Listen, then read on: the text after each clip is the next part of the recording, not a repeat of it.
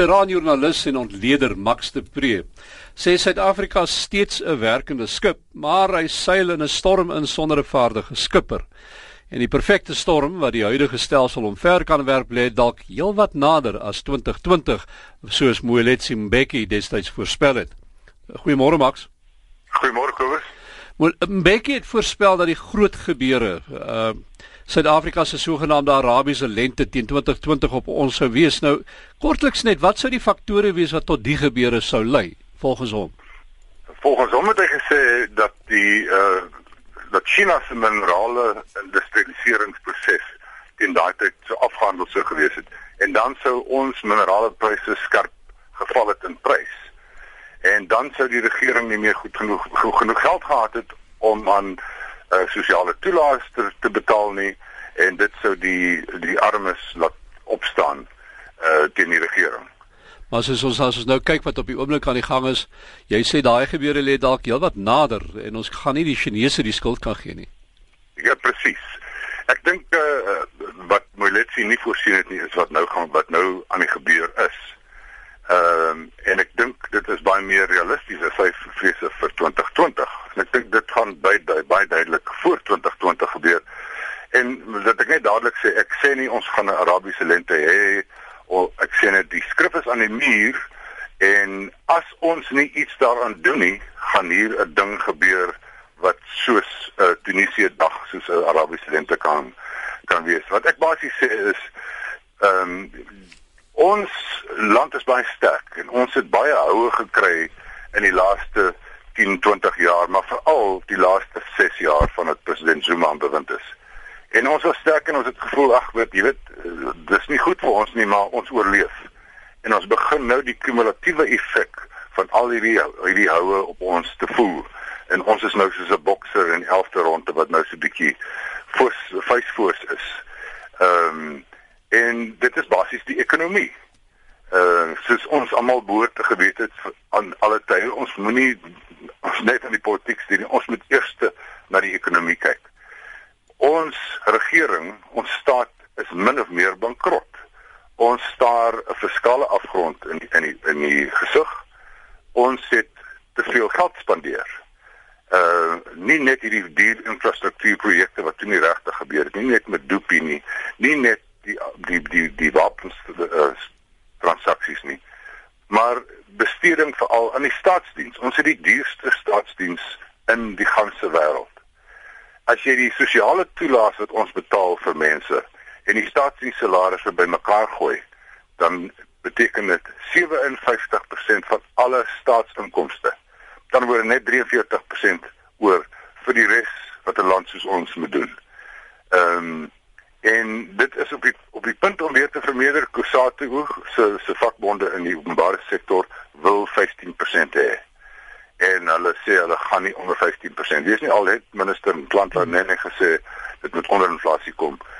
Die ANC se probleem is die die openbare sektor uh, vakbonde is die enigstes in Kusatu wat nog by die ANC staan. So die ANC het nie die politieke wil om teen hulle op te staan nie.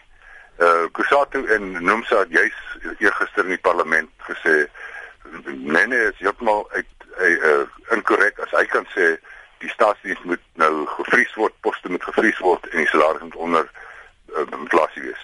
So ons het te veel geld gegee. Ons is nou juis soos julle vroeër berig is, ons is Moody's het ons weer verder gedegradeer.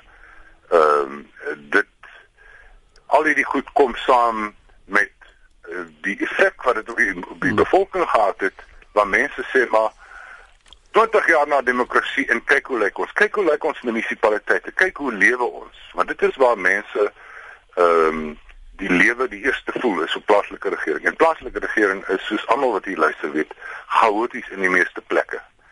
Ehm um, en nou is hierdie die die die die ANC het opgebreek eers met Cope toe met die EFF en nou met NUMSA wat 'n demokratiese front gaan begin.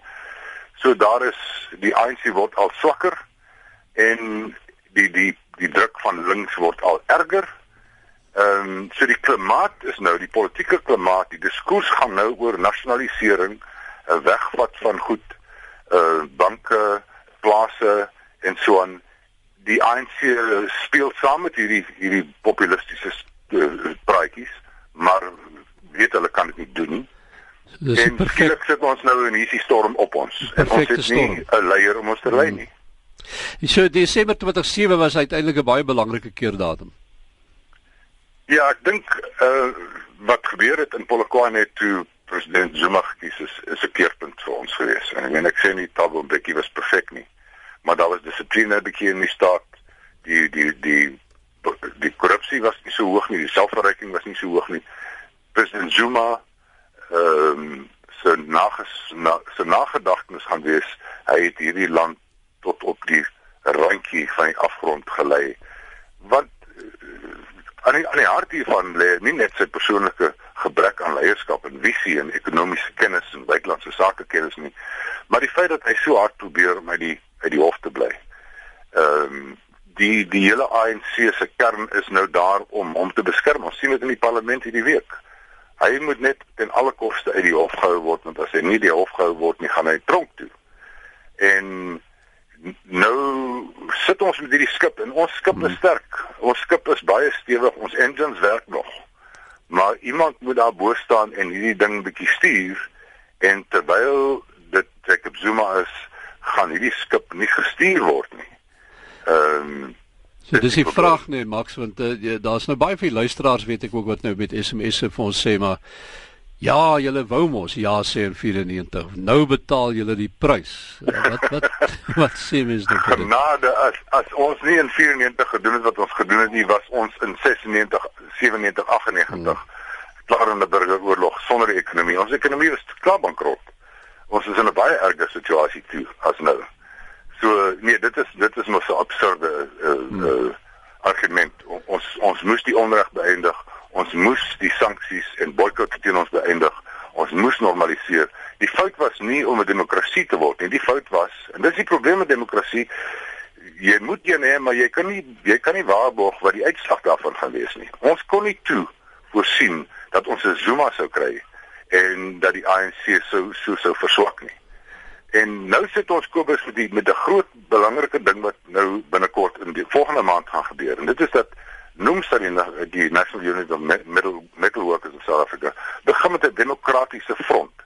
Nou ouerlei staat sal onthou van die United Democratic Front, die UDF van die 80s. Hmm. Die eintlike beweging wat die apartheidsregering gedwing het om te gaan onderhandel. Nie so as die ANC. En as hierdie ding vlam vat, weer 'n soort van 'n breë kerk wat sê almal van ons in hierdie land wat ontevrede is met die regering, met die ekonomie, Here kom ons kom almal saam staan en vorm een groot uh, blok. Uh, soos met die UDF gebeur het, kommuniste en sosialiste en kapitaliste en moslems en Jode en Christene en almal. As dit weer gebeur en dit kan gebeur, dan gaan hierdie regering onder geweldige druk wees in 2016 met die verpaaslike verkiesing en dit gaan duidelik word dat die ANC dalk nie 2019 uh, eh, die verkiesing gaan wen nie. En nou sit ons skielik met 'n vraag, hoe gaan die ANC daarop reageer? Hmm. Uh, ek my vermoede is die ANC gaan 'n uh, bietjie wild begin raak, bietjie meer radikaal probeer word om hierdie stemme terug te kry. Hulle gaan blameer Dit is die altyd 'n politieke politikus se eerste reaksies blameer, blameer die boere.